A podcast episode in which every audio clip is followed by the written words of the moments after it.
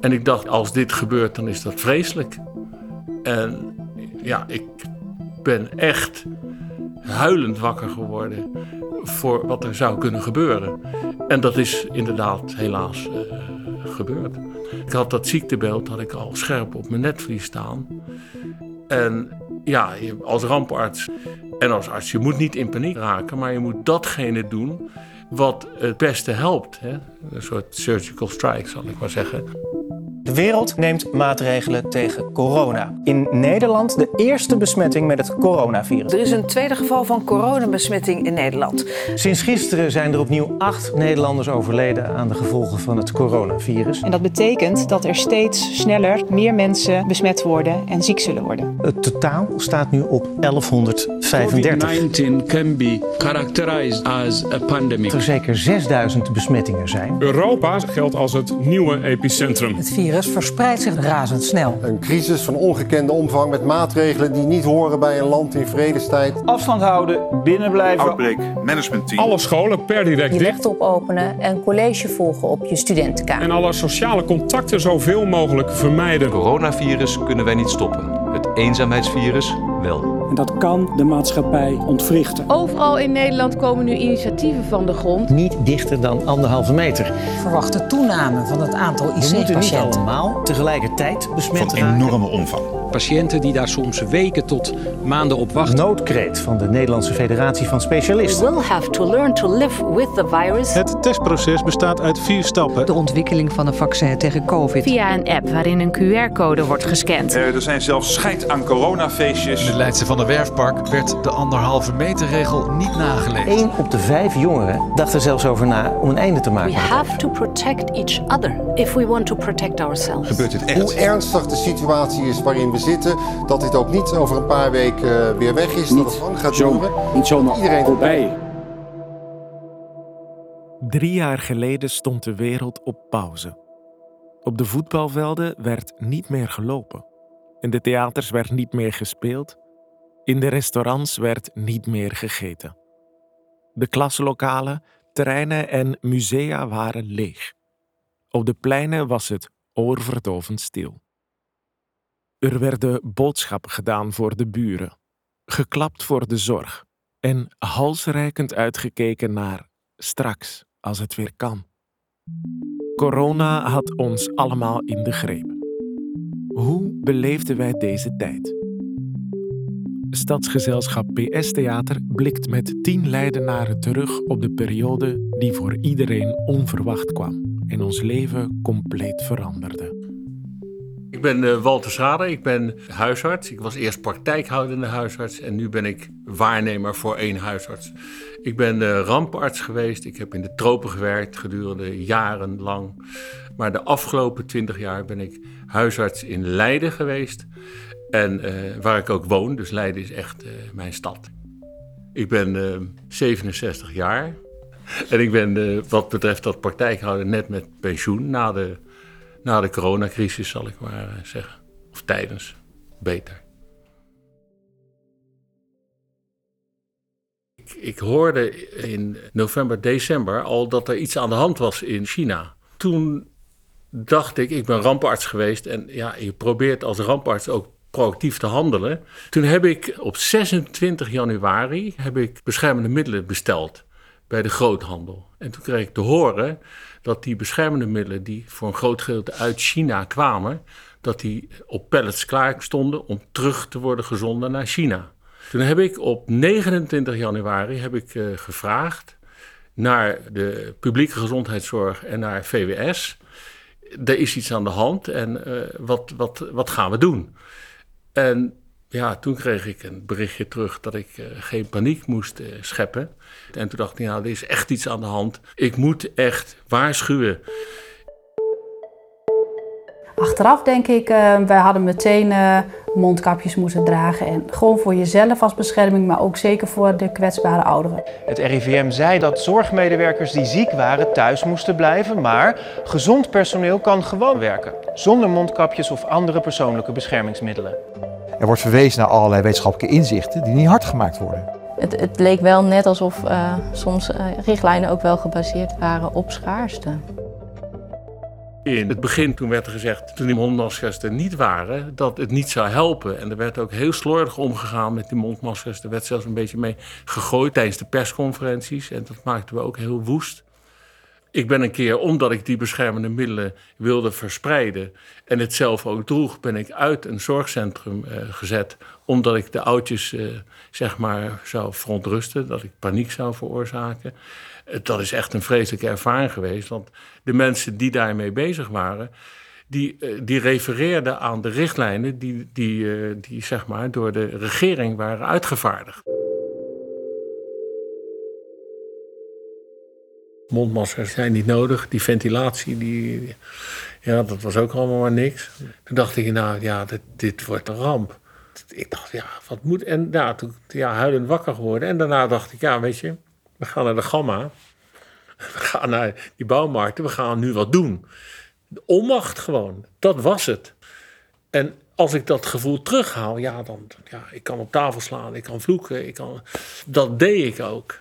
Het was pure onmacht. Is niet voor niks dat ik voor, ja, voor al de collega's hier in de omgeving... heb ik al die spullen ingekocht. Want ik dacht, ja, die artsen die moeten we beschermen. En ik had gewoon pakketten klaargemaakt. En voor iedereen. En ook voor verpleeghuizen, voor ziekenhuizen. Maar toen ik uh, dat bericht kreeg... dat, ja, je moet geen paniek maken, ga maar liedjes zingen en we doen niks. Ja, ja toen heb ik wel vreselijk gehaald, ja. Toen word, ik, heel boos geweest. Ja, dat komt nu terug. Sorry.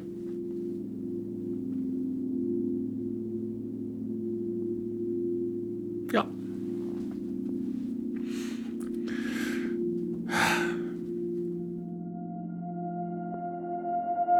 Wat er met de verpleegkundigen gebeurt, ja, dat vind ik dus bijzonder triest. En met de zorg dat er eerst uh, is er ondersteuning en handgeklap en uh, prima. En vervolgens, in diezelfde pandemie, komen de korte lontjes naar boven, komen de bedreigingen. Ja, wat doet het met een gezin waarvan de ouders, de moeder, de vader, als verpleegkundige zijn leven heeft gewaagd om mensen te redden? Dag in dag uit naar het werk is gegaan, veel te lange dagen heeft gemaakt. De kinderen zitten thuis en die weten gewoon dat het een risicovol bestaan is. Vervolgens zijn er korte lontjes en komen er bedreigingen. Te krankzinnig voor woorden. Vervolgens wordt juist in die sector wordt er bezuinigd. Je ziet niet voor niks dat enorm veel mensen uit de gezondheidszorg stappen. Terwijl het een geweldig beroep is. Maar als je die risico's hebt genomen, hè, en je hebt ze bewust genomen, en er zijn mensen overleden. Als je die risico's hebt genomen en nog geen half jaar later word je bedreigd, dan denk je ook, jongens, ik ga wel wat anders doen. Er was eerst een algemene bedreiging die naar een heleboel artsen is gegaan. En daarna kreeg ik ook nog een uh, persoonlijke brief. Dat ik uh, me schuldig maakte aan volkerenmoord omdat ik vaccins naar Namibië ging sturen. Die brief die is uh, zowel binnengekomen als uh, via een e-mail. Ik heb het onmiddellijk, uh, ik dacht ja, dit, deze waanzin, daar wil ik niks mee, ik gooi dit weg. Maar ja, ik werd s'avonds gebeld dat er brand was bij mij in de buurt. En toen bleek dat brandbaar materiaal naar binnen was gegooid. E-, eerst bij mij in de praktijk. Maar daar kon het niet vlam vatten, omdat de brievenbus van beton is toen bij de buren die in hetzelfde pand zitten. Ja, die dames die daar woonden, die zijn uit het huis gehaald met een ladderwagen. Dat, was bijzonder bedreigend. Hè. Die konden niet meer eruit. Die kwam een stuk in de krant en ja, een dag later uh, ging er bij mij door de voordeur... was er een kogel naar binnen geschoten. Afgevuurd. Hij is afgeketst op een stalen stuk van het raam. Daar, daar was een buts in en binnen lag de kogel. Dus het is niet op mij gericht, maar het is gewoon intimidatie. De nationale recherche is ingeschakeld en ik heb bescherming gekregen. Ja, dat was heel prettig dat die mensen dicht in de buurt waren. Ik werd als onderdeel gezien van het complot die uh, erop uit was om genocide uh, te doen. Want dat staat in die, uh, in, die, in die brieven. Ik moet voor een tribunaal. Maak je maar klaar om voor een tribunaal te verschijnen. Hoe dat tot stand komt hè, in het brein. Die denken gewoon, ze denken echt dat ze een burgeroorlog voor het goede doel aan het voeren zijn.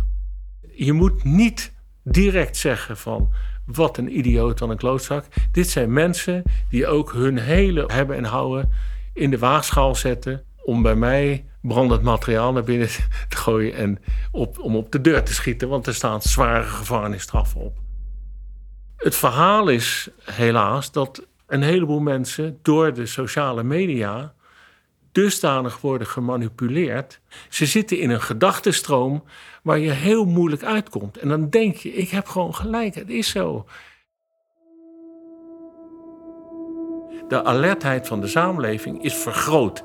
De gevoeligheid voor rampen is vergroot.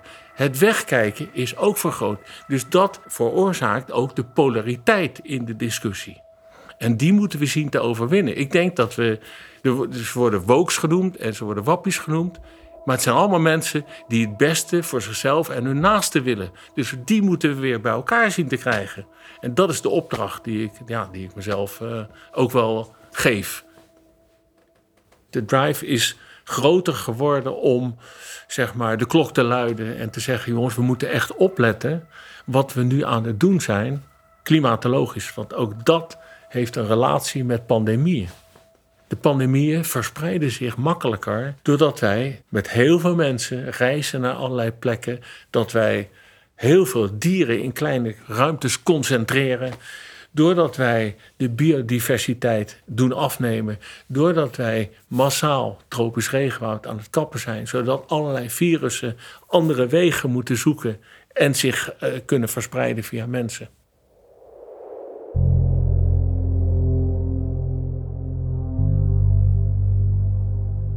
Wanneer de coronapandemie een steeds stillere echo wordt en de wereld weer sneller draait dan voorheen, lijken we soms te vergeten wat er achter ons ligt. Een periode van onzekerheid, verlies en spanning, maar ook een tijd van verbroedering, vertraging en hoop. Bovenal waren het drie jaren die levens veranderden.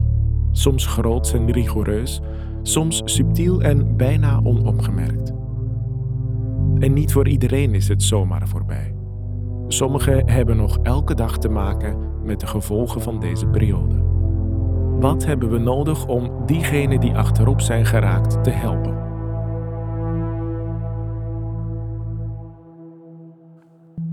Deze podcast is gemaakt door de makers van Stadsgezelschap PS Theater. Thijs Huis, Julia Smits en Pepijn Smit. In samenwerking met de gemeente Leiden. De muziek en mixage is in handen van Ralf Gerritsen. Wij willen Amina, Kishore, Leendert, Lonneke, Aukje, Peter, Sylvia, Trudy, Walter, Samer en Ali heel erg bedanken voor het delen van hun verhalen. De korte nieuwsfragmenten die voorbij kwamen waren van het NOS-journaal, Nieuwsuur, het Jeugdjournaal, VRT Nieuws en de BBC. Voor meer informatie over de podcast Niet zomaar voorbij, kijk op www.pstheater.nl.